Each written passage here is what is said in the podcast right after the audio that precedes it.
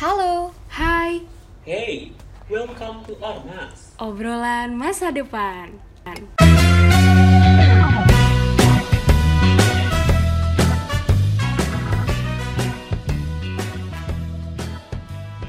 itu jawabannya yang tadi Mbak Insira sebutkan.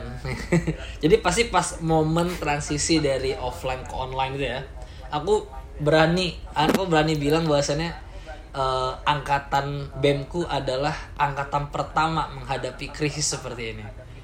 Kalau makanya kena, ka- karena aku angkatan pertama, konsultasi kepada senior, ini mohon maaf ya, kepada ketua BEM sebelum-sebelumnya, mohon maaf ini kurang signifikan pengaruhnya. Karena mereka tidak mengalami, kitalah eh, yang mengalami sendiri. Jadi maksudnya di situ tuh aku merasa dia sendirian gitu ya. Karena nggak ada yang bisa kita obrolkan dengan orang-orang yang sudah berpengalaman terlebih dahulu. Kayak gitu. Dan eh, aku pribadi memang mengalami semacam ya apa sih turbulensi kali ya bahasanya ya. Jadi mengalami turbulensi pemikiran bahwasannya kayak aduh kalau tahu online ngapain nyalon presiden gitu kan. Tahu gitu mending lulus gitu. Kayak itu tuh terulas kembali gitu kan keinginan-keinginan seperti itu. Kayak apa pikiran-pikiran nakal ya bagiku. Eh, jadi eh, memang sangat berat gitu ya bahasanya staffnya aja banyak yang nggak semangat ya eh maksudnya presidennya sorry nih presidennya aja bisa jadi ada titiknya di mana dia nggak semangat apalagi eh, staff-staffnya ke bawah gitu kan kayak pasti bakal eh, berkelanjutan kayak gitu ya Nah, aku eh, saat itu berpikir eh, tidak hanya soal jabatan ya, tidak hanya soal eksistensi. Karena online itu akan menurunkan eksistensi, jujur. Itu tuh fakta yang terjadi di lapangan gitu ya kalau jadi eh, namanya presma atau ketua BEM gitu. Tapi aku eh, ingat kembali kalau aku sih biasanya diajarin untuk eh, em, melakukan segala sesuatu berdasarkan niat gitu niatnya apa dulu gitu ini bukan soal output bukan soal proses tapi ini soal niatnya gitu tapi kan ketika di awal aku maju pun memang niatnya itu untuk kontribusi ya buat Brawijaya. Apa pun yang bisa aku lakukan ya udah kita bareng-bareng kita kontribusi buat Brawijaya sih gitu. Aku mikirnya gitu ya. Eh, terlepas dari eh, gonjang anjing yang ada kayak gitu. Dan eh, yang paling hikmah itu menurutku soal dampak pandemi terhadap mahasiswa. Menurutku itu yang paling penting.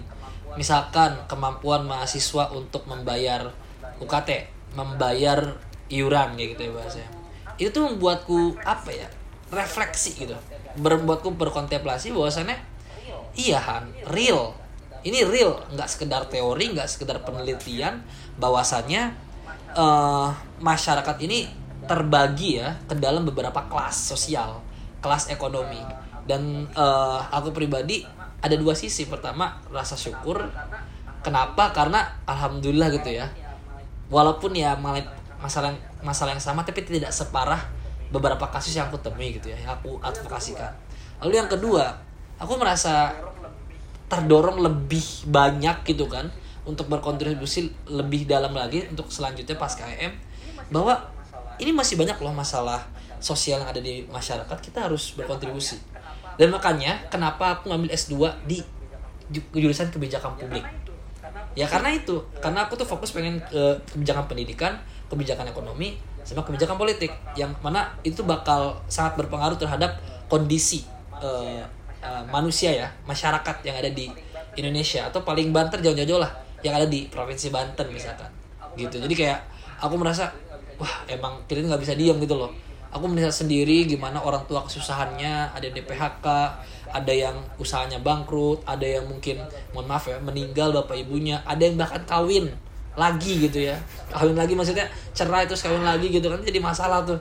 Nah itu membuatku terpecut lagi untuk aku eh ya bounce back gitu kan dari kemalasan dan eh, kesedihan tersebut untuk ya nggak cuma di EM gitu kontribusinya tapi juga pas KM gitu makanya aku lanjutkan dulu di S2 karena sebelumnya aku eh, masih di akuntansi dan belum luas gitu makanya itu eh, linkage-nya sampai ke penentuan kenapa aku harus S2 lagi gitu kebijakan publik itu sih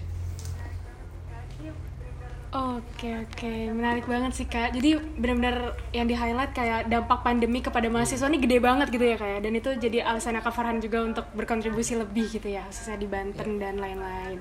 Nah kalau misalnya tadi kita sempat uh, cerita tentang uh, dunianya Kak Farhan waktu Iya. uh, di kampus gitu ya di UB. Nah sekarang kan udah Iya. alumni nih kak, udah lulus dari UB. Nah itu gimana sih kak rasanya ada di dunia setelah lulus kuliah? Gitu buat gambaran dan boleh diceritain Ya. gitu kak. Aku cuma pengen cerita untuk tidak mengulang apa yang aku lakukan. Jadi aku cerita nih kepada mungkin yang masih sekarang masih semester 1, 2, 3, 4, 5 atau mungkin lulus belum lulus ya intinya. Pokoknya jangan kayak aku lah. Itu itu uh, poin umumnya. Kenapa? Karena ma- menurutku masih banyak yang belum dieksplorasi dalam uh, dunia ini gitu, dalam dunia perkampusan duniawi inilah pokoknya. Kenapa? Eh, misalkan aku nih jujur ya, per detik ini aku belum pernah eh, ikut eh, kegiatan kayak magang profesional gitu. Aku biasanya magang tuh lewat program-program beasiswa itu ada magangnya baru itu. Jadi ibarat kata terpaksa dulu karena ikut program beasiswanya gitu kan. Bahasa gitu ya. Tapi belum pernah kayak mencoba apply terus eh, ke kantor KAP kalau di akuntansi ya kantor kantor akuntan publik atau mungkin konsultan dan lain-lain. Dan itu menurutku opportunity yang bagus untuk kita mengembangkan diri ini. Jujur, kalau bagi bagiku ya, itu yang aku lewatkan. Yang kedua, eh, aku pribadi tuh eh, setelah aku berefleksikan ya, setelah lulus, itu sebenarnya fanatisme itu udah nggak relevan lagi. Misalkan fanatisme terhadap hanya pada satu organisasi, terus fanatisme hanya satu hanya pada akademik, fanatisme hanya pada misalkan eh, perlombaan-perlombaan, ikut lomba-lomba jadi itu menurutku udah nggak relevan lah hari ini. Kita harus udah berubah mindset ya, terus memandang bahwasannya kita ini justru harus interconnected satu sama lain di berbagai sektor yang ada gitu kan. Apalagi pas lagi S1 kita harus mencoba semuanya. Jadi jangan sampai hanya karena mengejar posisi ya. Posisi itu nothing kalau misalkan kita nggak bisa ngebuat impact. Jadi yang dilihat tuh bukan posisinya tapi impactnya. Karena alasan kenapa orang itu uh, fanatik terhadap misalkan uh, organisasi karena dia pengen jadi ketua misalkan ya atau kenapa dia pengen uh, ikut kenapa dia fanatik lomba? Karena dia pengen menjadi mawapres misalkan. Atau pengen jadi juara gitu kan. Atau misalkan kenapa dia itu akademik uh, ngejar akademik mulu? Karena dia pengen uh, di wisuda nanti dapat gelar dengan pujian dan lain-lain gitu. Tapi kayak ini nih no longer uh, relevan gitu pada pada hal. Gitu. Jadi uh, aku merasa udah uh, kita harus uh, nyoba ya. Dan sekarang tuh udah banyak banget ya program yang bagus menurutku kampus merdeka isma ya kalau nggak salah. Is, isma yang yang eh, student exchange itu kan sekarang lagi pada berangkat tuh. Itu kan bagus ya zaman zaman aku nggak ada gitu kan.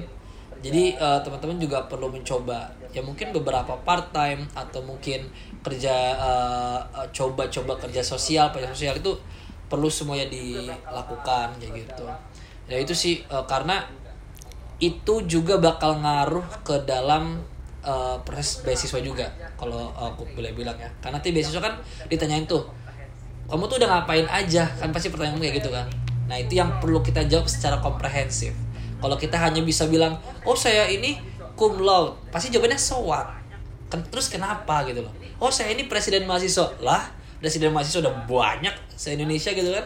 Jadi kita tuh harus punya exclusive value yang emang kita offer dengan eh kepada recruiters kepada uh, pemberi beasiswa uh, company pemerintah uh, pihak-pihak tertentu dan lain-lain. Gitu. Jadi uh, aku pribadi menyesal gitu ya ketika lulus masih ada yang belum dicoba oleh aku. Gitu. jadi ya kesempatan banget nih teman-teman yang masih semester berapa gitu kan coba aja dulu. Kalau menurutku kalau IPK itu udahlah targetnya tiga aja sih. Menurut gue nggak perlu gede sama aja hasilnya kalau kata aku ya. Jadi lebih ketekangan pada impact yang bisa buat diri kamu secara Oke, pribadi ya, tadi emang cukup untuk orang insightful nih Kak Farhan nih cerita mulai dari poin yang menarik mungkin yang tadi aku tangkep ini kayak gak mau ngulang masa-masa kuliah gitu ya. Terus juga eh, harus eh, ngejar poin-poin yang harus kita capai gitu. Dan mungkin ada lagi nih Kak terkait eh, tantangan terbesar menjadi seorang fresh graduate Itu gimana sih dan bagaimana caranya buat ngatasin soal eh, tantangan dari fresh graduate itu?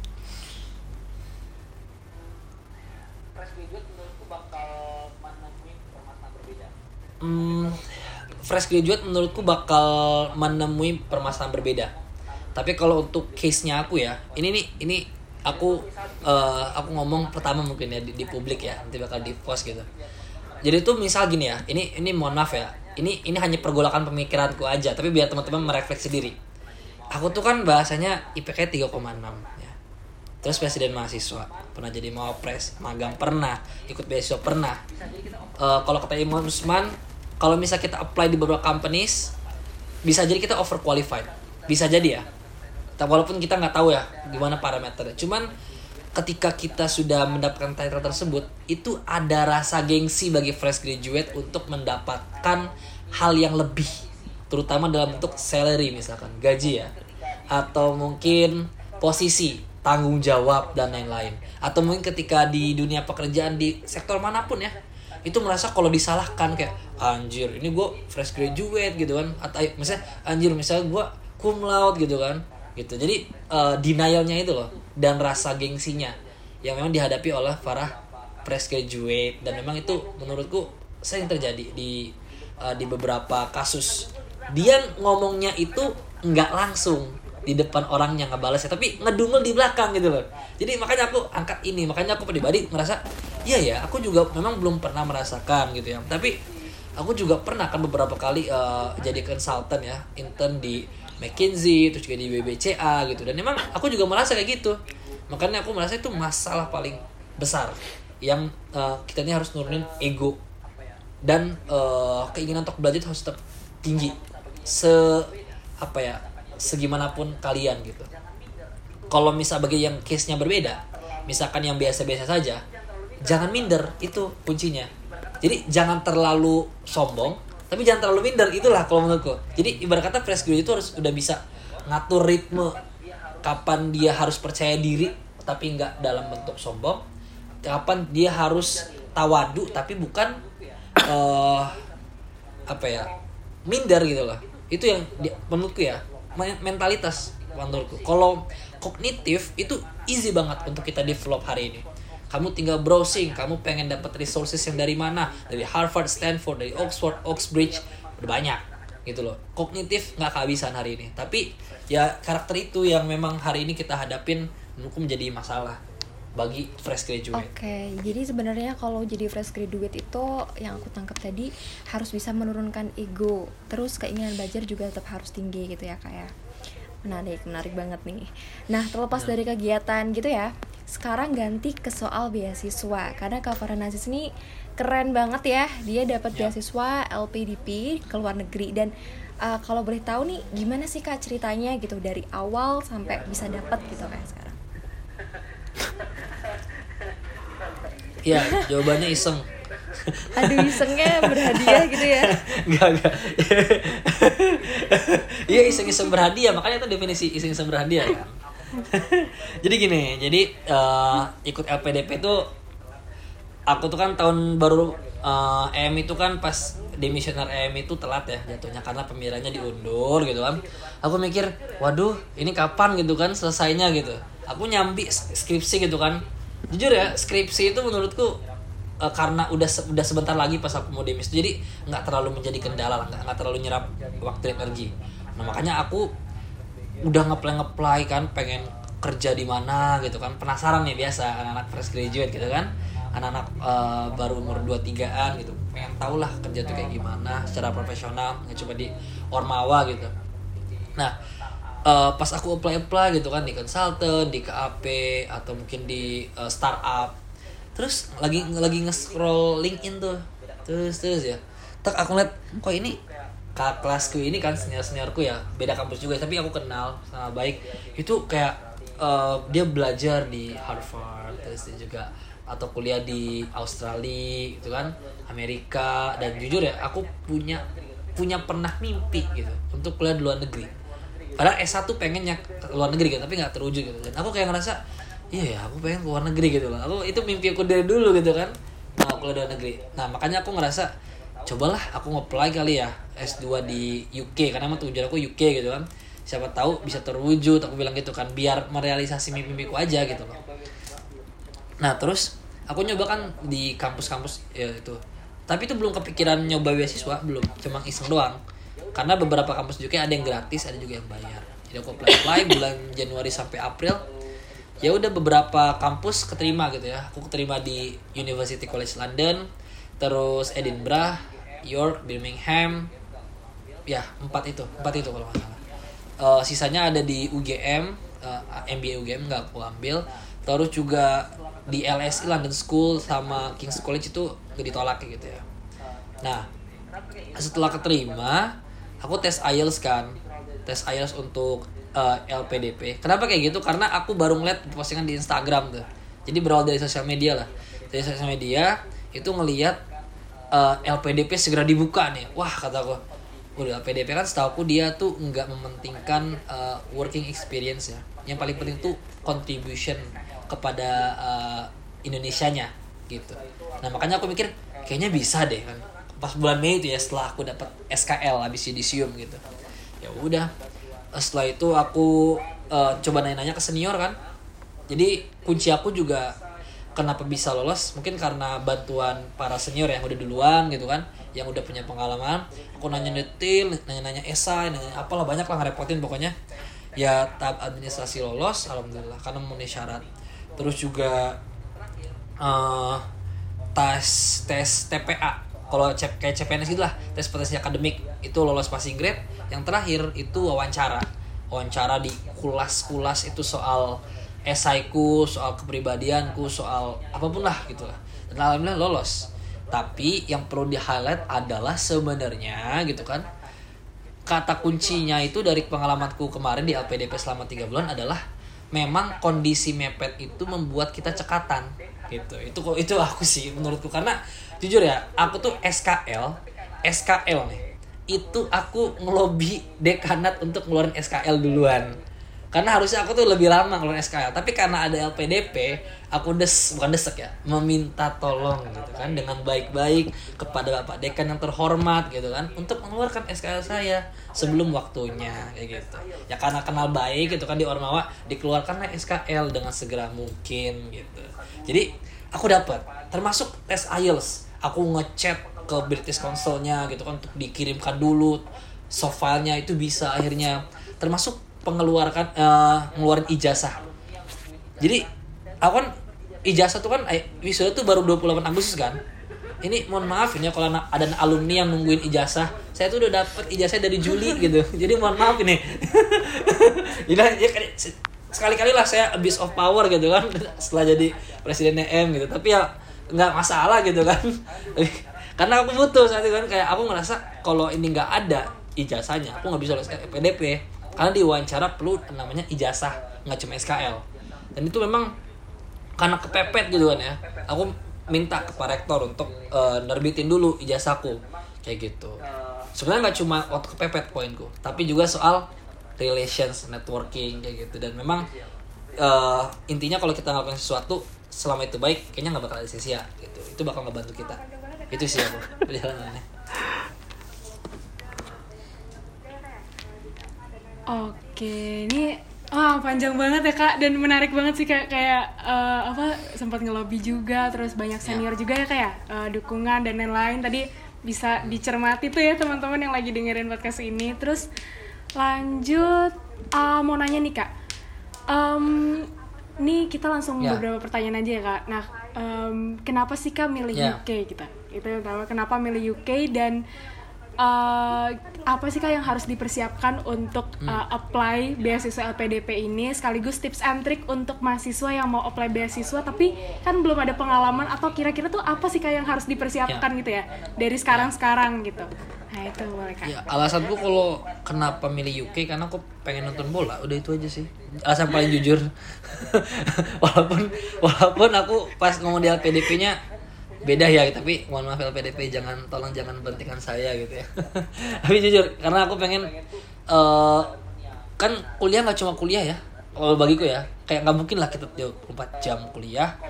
Tapi aku pengen tuh punya environment yang menarik unik gitu kan. Otentik dan menurutku eh, kalau misalkan benua Australia ataupun Amerika dia itu sudah terpoles modernisasi. Ke barat-baratan banget lah. Jadi kayak mohon maaf ya kayak nggak nggak punya identitas yang eh, genuine gitu. Nah tapi kalau UK dia itu menurutku dari secara bahasa secara arsitektur gedung-gedungnya secara kultur itu masih genuine. Karena ya uh, kingdom gitu kan. Makanya aku tuh tertarik untuk hidup di sana gitu beberapa saat dan pengen mempelajari aja.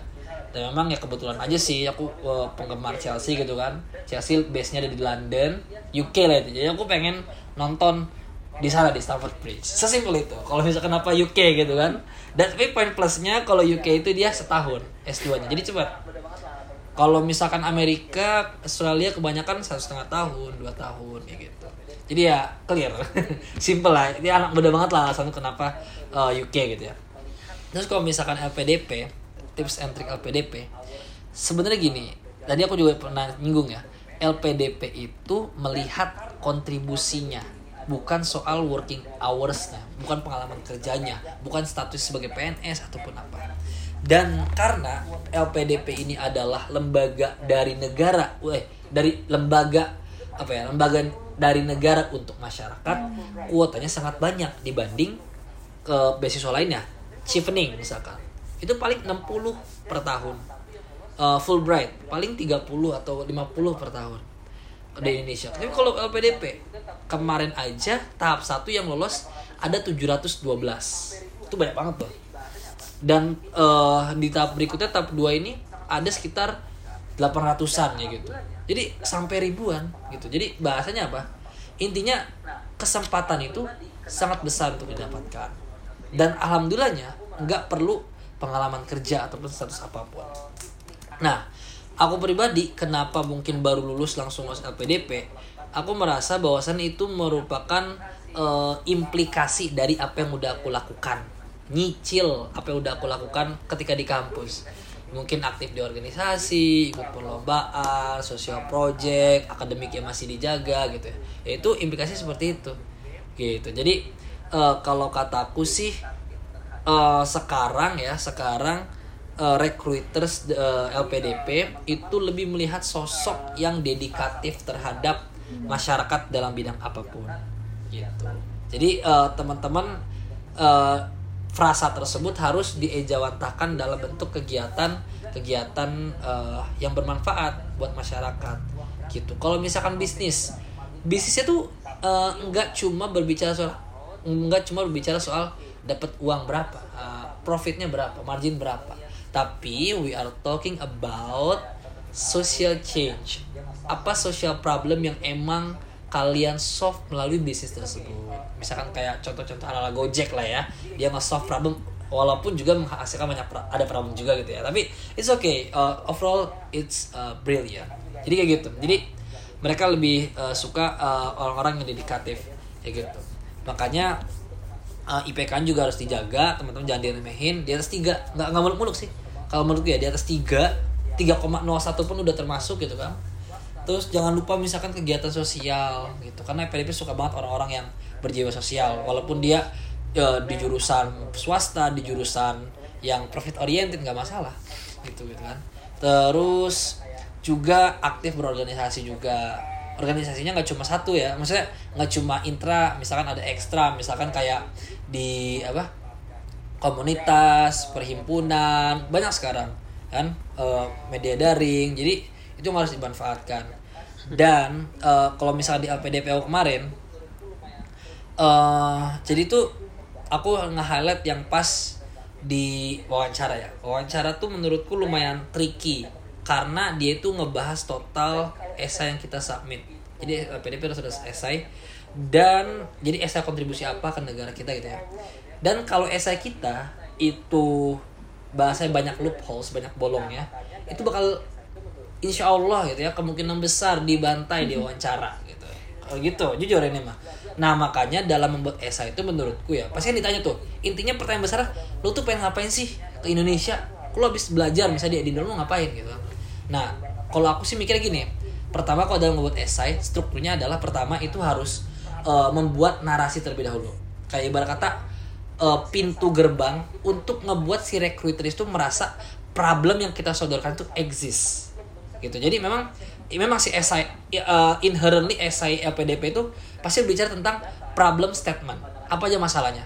Tapi sebelum problem statement harus ada narasi yang memang kita bawakan gitu. Baik secara static statistical data ataupun uh, narasi yang memang emotional attachmentnya ada biar merasa relate gitu kan uh, recruiter saya baru masuk problem statement.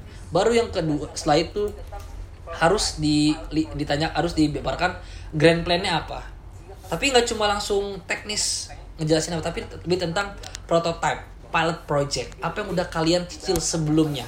Sehingga kalian berani ngomong saya tuh pengen ngomong pengen menyelesaikan masalah pengangguran misalkan seperti yang aku bawa kemarin. Gitu. Jadi udah harus ada pilot projectnya dulu biar semakin detail. Dan terakhir contingency plan kalau nggak kalau nggak jadi kayak gimana apa yang bakal kamu lakukan gitu-gitu. Nah itulah menurutku eh, ya struktur esai yang yang lengkap dan bisa membuat si recruiter pas wawancara cuma tugasnya ngevalidasi aja nggak perlu nanya lebih gitu.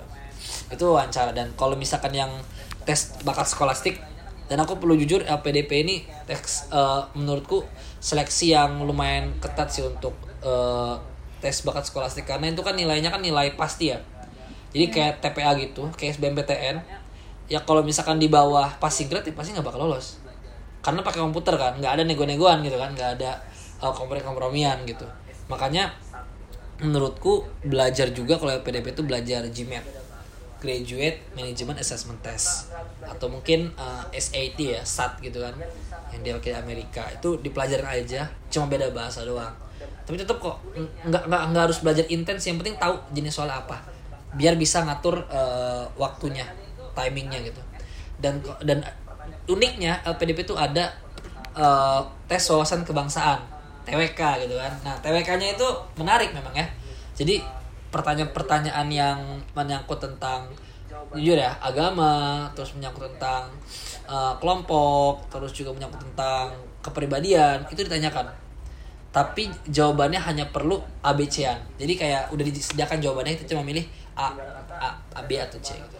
Yang paling penting adalah jangan terlihat menjilat ketika di wawasan kebangsaan gitu. Jadi ibarat kata tes wawasan kebangsaan tuh ingin menilai batas toleransi eh, teman-teman. Jadi jangan terlalu toleran tapi tengah-tengah aja gitu loh biar nggak terkesannya ngejilat itu bagiku sih. Jadi ya harus konsisten jawabannya kayak gitu. Ya itu sih kalau diomongin detail lah kira-kira tips and ke PDP kayak gimana. Dan menurutku relatif relatif eh, ke ke takar lah untuk anak-anak Brawijaya mah kalau kalau kataku ya untuk LPDP jadi eh, sebenarnya nggak perlu minder sih dalam menjadi beasiswa Eh, just do it. Yang penting punya modal dan keberanian dulu. Dan makanya kalau teman-teman yang udah punya eh, rencana disiapin dari sekarang kayak gitu.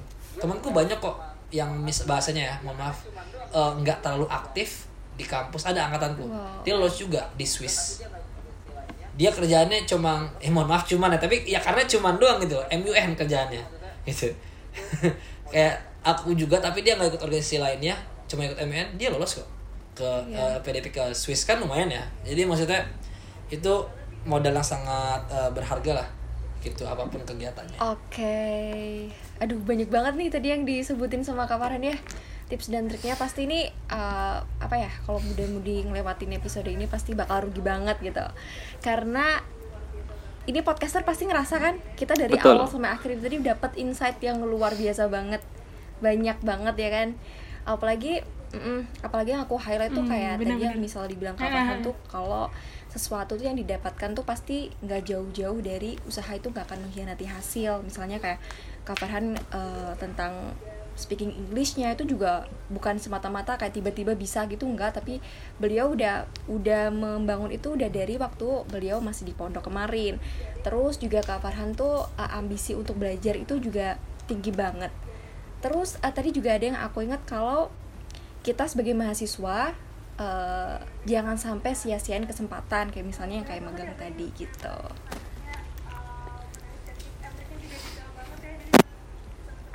Oke, bener banget sih Ra. Dan eh, banyak banget ya tadi bener banget insight-nya uh, menarik dan tips and triknya juga detail banget ya. Jadi buat teman-teman Aduh, roman-romannya ini kayak mau nih, pamitan uh, gitu ya. Dengerin gitu ya. Dan gak kerasa nih guys, tapi kita udah sampai Oke, jadi sebagai penutup mungkin ya podcast. karena kita mau pamitan Iya gitu, aduh, mungkin boleh dari Kak Farhan buat menyampaikan closing statement atau pesan mungkin yang ingin disampaikan buat muda-mudi ormas yang lagi ngedengerin podcast kita hari ini. Boleh Kak, silahkan. Ya, kalau dari aku sih pribadi eh, pesannya adalah luruskan niat dulu. Ya, kalau dari aku sih pribadi eh, pesannya adalah luruskan niat dulu. Simpel. Jadi luruskan niat dulu kalau pengen ngelakuin sesuatu. Kalau misalkan pengen kerja luruskan niatnya, kalau misalkan pengen tulisan luruskan niatnya.